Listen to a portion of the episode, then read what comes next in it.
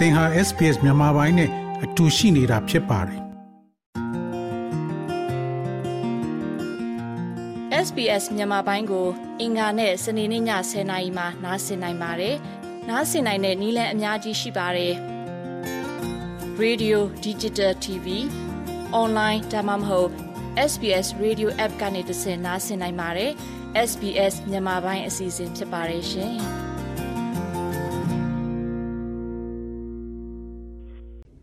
ဖေဖော်ဝါရီလ23ရက်နေ့ဟာနိုင်ငံတကာရေဒီယိုနေ့ဖြစ်ပါတယ်။ UNESCO အဖွဲ့ဝင်နိုင်ငံတွေကနေ2011ခုနှစ်တုန်းကရေဒီယိုနေ့ကိုကြေညာခဲ့တာဖြစ်ပြီးကုလသမဂ္ဂရဲ့အထွေထွေညီလာခံကနောက်နှစ်နှစ်2013ခုနှစ်မှာနိုင်ငံတကာရေဒီယိုနေ့အဖြစ်သတ်မှတ်ပေးခဲ့တာဖြစ်ပါတယ်။1894ခုနှစ်တုန်းကပြင်သစ်နိုင်ငံက Albert Turpin ဆိုတဲ့လူဟာ တယ်လီဖုန်းနဲ့ Morse code ကိုအသုံး Morse code ကိုအသုံးပြုပြီးသူ့ကိုယ်သူ radio signal တစ်ခုပို့ဆောင်ခဲ့ရကနေအဲ့ဒီ signal ကိုသူကပြန်လည်လက်ခံရရှိခဲ့ပါတယ်။အဲ့ဒီတုန်းက radio လှိုင်းရဲ့အကွာအဝေးဟာ25မီတာသာရှိခဲ့တာပါ။အဲ့ဒီနောက်ပိုင်းမှာတော့ရုရှားနိုင်ငံကပညာရှင်တွေအင်္ဂလန်ပြင်သစ်ဂျာမနီအစရှိတဲ့ပညာရှင်တွေကသူ့နီးသူ့ဟန်နဲ့အသီးသီးစမ်းသပ်မှုတွေလုပ်ရကနေ ရေဒီယိုလှိုင်းရဲ့အကွာအဝေးဟာပိုဝေးတဲ့ထက်ဝေးလာပါတယ်။အခုဆိုရင် walkie talkie လိုအနီးအနားအတွက်အသုံးပြုတဲ့ရေဒီယိုလှိုင်းကနေအတော်တန်ဝေးတဲ့ FM လှိုင်းနဲ့နိုင်ငံခြားတွေအထိတောင်ကြားနိုင်တဲ့လှိုင်းတူရေဒီယိုတွေပေါ်ပေါက်လာပါတယ်။ရေဒီယိုကြောင့်ကဘာပေါ်ကလူတွေသတင်းတွေအချက်လက်တွေကိုအများကြီးသိလာရတဲ့အတွက်လူသားတွေအတွက်အားထားစရာအရာတစ်ခုဖြစ်ပါတယ်။ရေဒီယိုဆိုတာ မျိုးဆက်ပေါင်းများစွာလူပေါင်းများစွာအတွက်အလွယ်တကူရရှိနိုင်ပြီးလူမှုအတိုင်းဝိုင်းကိုသတင်းအချက်လက်ပေးုံသာမကဖြိုးဖြေမှုတွေလည်းပေးစွမ်းနိုင်ခဲ့ပါတယ်။ဒါပေမဲ့တချို့နိုင်ငံတချို့နေရာမှာရေဒီယိုကို အမုန်းတရားလက်နဲ့သွေးကွဲရေးလက်နဲ့ပဋိပက္ခဖြစ်စေရေးလက်နဲ့အဖြစ်အသုံးပြုတာမျိုးရှိခဲ့လို့နောက်ပိုင်းမှာတရားဥပဒေတွေစောင့်ကြည့်ရေးအဖွဲ့တွေနဲ့ထိန်းကျောင်းမှုတွေလုပ်ရကနေဘဲမလိုက်တဲ့သတင်းတွေ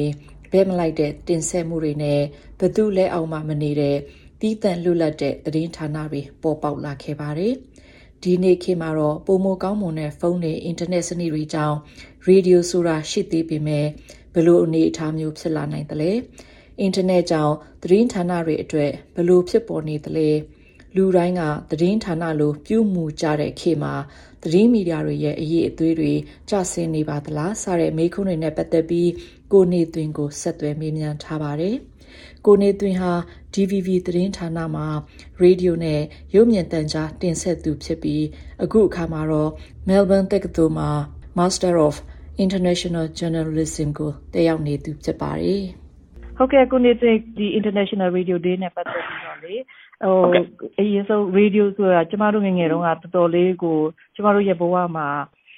အဲအရေးကြီးတဲ့ကဏ္ဍတစ်ခုတည်းပါခဲ့တာပေါ့နော်ကိုနေသွင်းကိုဘသူကရေဒီယိုကိုစတင်မိတ်ဆက်ပေးပါတယ်ရှင်အာရေဒီယိုကတော့ကျွန်တော်အိမ်ကပေါ့နော်ကျွန်တော်အဖေနဲ့အမေဒီလိုပဲပြောရမှာပေါ့သူကအမြဲတမ်းရေဒီယိုပြည့်တတ်ပဲပေါ့ကျွန်တော်ငယ်လေးတွေကပေါ့သူကအချင်းကြီးနေပါတော့ရေဒီယိုဖွင့်လာတာအိမ်မှာလေပညာရေးဖွင့်လာတော့ကျွန်တော်ကမိဘတွေမိတ်ဆက်ပြီးတော့ပြော ဟုတ်ကဲ့ဟိုအရင်တော့ဆိုရင်ရေဒီယိုကဒါဟိုကဘာသူကဘာသားတွေအတွက်ဒါဟိုဘယ်လိုပြောမလဲအရေးကြီးဆုံး medium တစ်ခုပေါ့နော်အခုဆိုရင်အရန်ဟို internet တွေပေါ်လာတဲ့နောက်ပိုင်းမှာ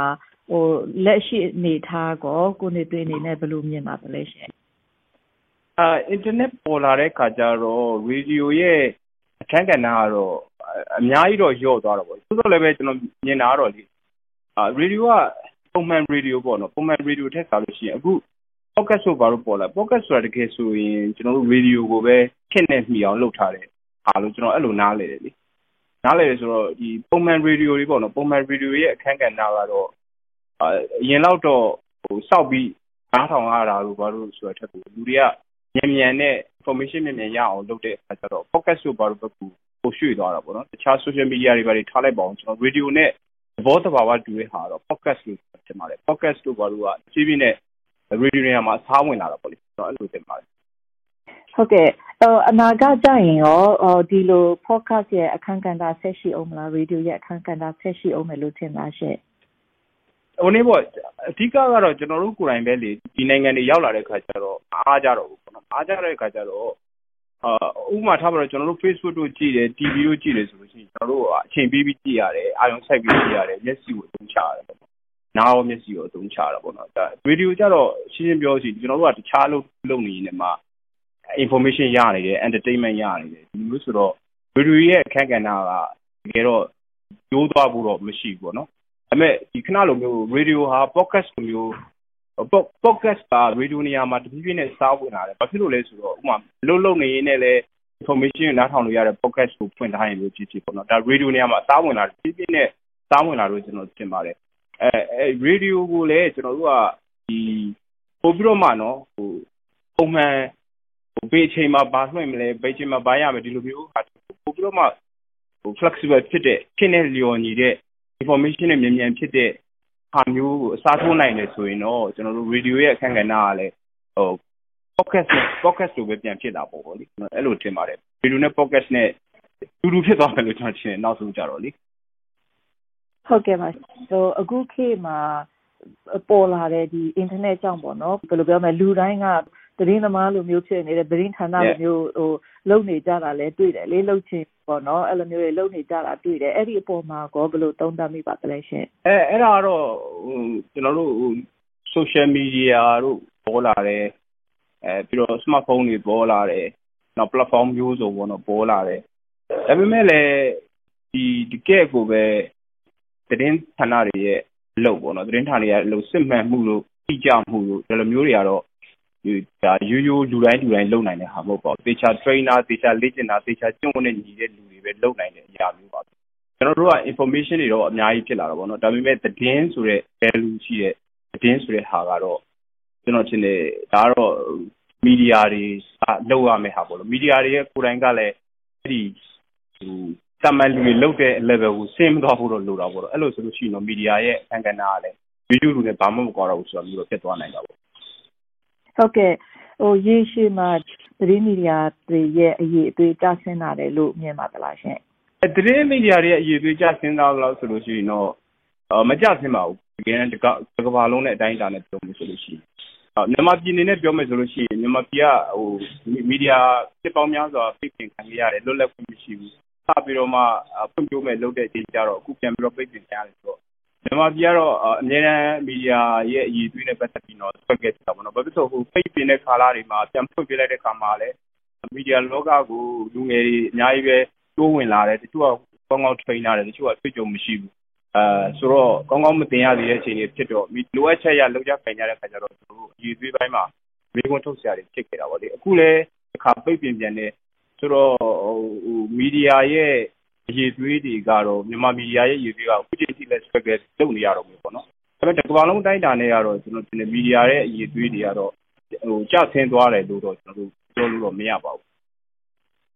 ဟုတ်ကဲ့အခုဆိုရင်ဒီလိုမျိုး social media တွေကြောင့်ပေါ့လေဒီအခမဲ့ဟိုကြည့်ရှုလို့ရတဲ့နေရာတွေများလာတယ်အဲ့ဒီလိုအနေထားမှာသတင်းဌာနတွေအနေနဲ့ပေါ့နော်ဥပမာရေရှည်မှာဟိုတည်တက်ပေါ့လေအရင်လိုမျိုးလေပတ်ဖို့ဟိုဖြစ်နိုင်တယ်လို့ထင်ပါသလားရှင် အဲအဲ့ဒါလည်းကျွန်တော်ထင်တယ်အခုမှတော့မဟုတ်ဘူးထင်တယ်အရင်ကျွန်တော်တို့ပြီးခဲ့တဲ့10နှစ်လောက်ကစပြီးတော့မှတော့ဟိုလူတွေသတင်းစာဖတ်ဖို့သတင်းစာတကယ်သတင်းစာဆို conventional media ပုံမှာပေါ့နော်ကျွန်တော်တို့ဟိုမနေ့မိုးလင်းသတင်းစာရောက်လာတယ်အာမနေ့ကသတင်းတွေဖတ်ရမယ်ပေါ့နော်အဲဒါမှမဟုတ်ညနေပိုင်းသတင်းစာရောက်လာမယ်ဒီနေ့မနေ့ပိုင်းစစ်တဲ့သတင်းတွေဖတ်ရမယ်ဒီလိုမျိုးဟာတွေကနောက်ကျသွားပြီကျွန်တော်တို့ social media တွေ platform တွေပေါ်လာတဲ့အခါကျတော့အခက်အခဲတွေကကြော့သွားတော့ပေါ့နော်နောက် ဒီ online media တွေပေါ်လာ online media တွေကဒီ platform ကိုပိုင်းကြည့်ကြတယ်ပိုင်းကြည့်နေမှအဲ media တွေကလည်းဒီလူတွေရဲ့လိုအပ်ချက်တွေတဖြည်းဖြည်းနဲ့သူ adapt လုပ်ပြီးတော့မှလုပ်သွားကြတာအခုဆိုလည်းအာအချိန်နဲ့အမျှနော်အချိန်နဲ့အမျှဖြစ်အောင်ဆိုပြီးတော့မီဒီယာတွေကလည်းလုပ်နေကြတာပဲလေဒီအခပေးမီဒီယာတွေကတော့အဖြည်းဖြည်းနဲ့တော့နည်းသွားတော့ဗျာဥပမာကျွန်တော်တို့ပြီးခဲ့တဲ့နှစ်တွေတုန်းကလည်းဒီအလုပ်ပြုတ်ကြတာကျွန်တော်ကြားရတာပေါ့ဥရောပတို့ဘာလို့ပါဆိုရင်မီဒီယာသမားတွေအလုပ်ပြုတ်တယ်ဝါရင်းတွေအလုပ်ပြုတ်ကြတယ်လူငယ်တွေကိုအလုပ်ခံတယ်စသဖြင့်ဒီလိုမျိုးတွေတော့ ကျွန်တော်တို့တွေ့ရတာပေါ့လေဒီလိုမျိုးတွေတော့ဖြစ်လာတာဒါပေမဲ့တကယ် quality ရှိတဲ့မီဒီယာတွေကတော့ survive ဖြစ်နေတော့မယ်ရှင်သန်နေတော့မယ်ဆိုတော့ကျွန်တော်တို့ဒါလည်းမီဒီယာသမားတွေရဲ့ challenge ဆိုတော့ကျွန်တော်တို့က quality ဖြစ်တဲ့လူတွေပတ်စံပေးခြင်းပေးပြီးဖတ်နိုင်တဲ့ဖတ်ချင်တဲ့အရေးအသွေးမျိုး social media မှာတခြား media မှာမတွေ့ရတဲ့ဟာမျိုးကိုကျွန်တော်တို့ဘယ်လောက်ထိလုံနိုင်လဲဆိုတဲ့ပုံမှာမှုချတာပေါ့လေအခုဘာမှနာမည်ကြီးတဲ့ media တွေအခဘေးစနစ်နဲ့လူတွေဖတ်နေကြတာပဲရှိနေကြတာပဲလေ SBS မြန်မာပိုင်းကိုနားဆင်ရတာနှစ်သက်ပါတလား Facebook မှာဆွေးနွေးမှုတွေကိုဆက်ကြရအောင်ပါ SBS မြန်မာပိုင်း Facebook ကို like လုပ်ပြီးတော့သင်ချင်တဲ့ချက်ကိုမျှဝေနိုင်ပါတယ် SBS Bemis ကို Facebook မှာ share ကြည့်နိုင်ပါတယ်ရှင်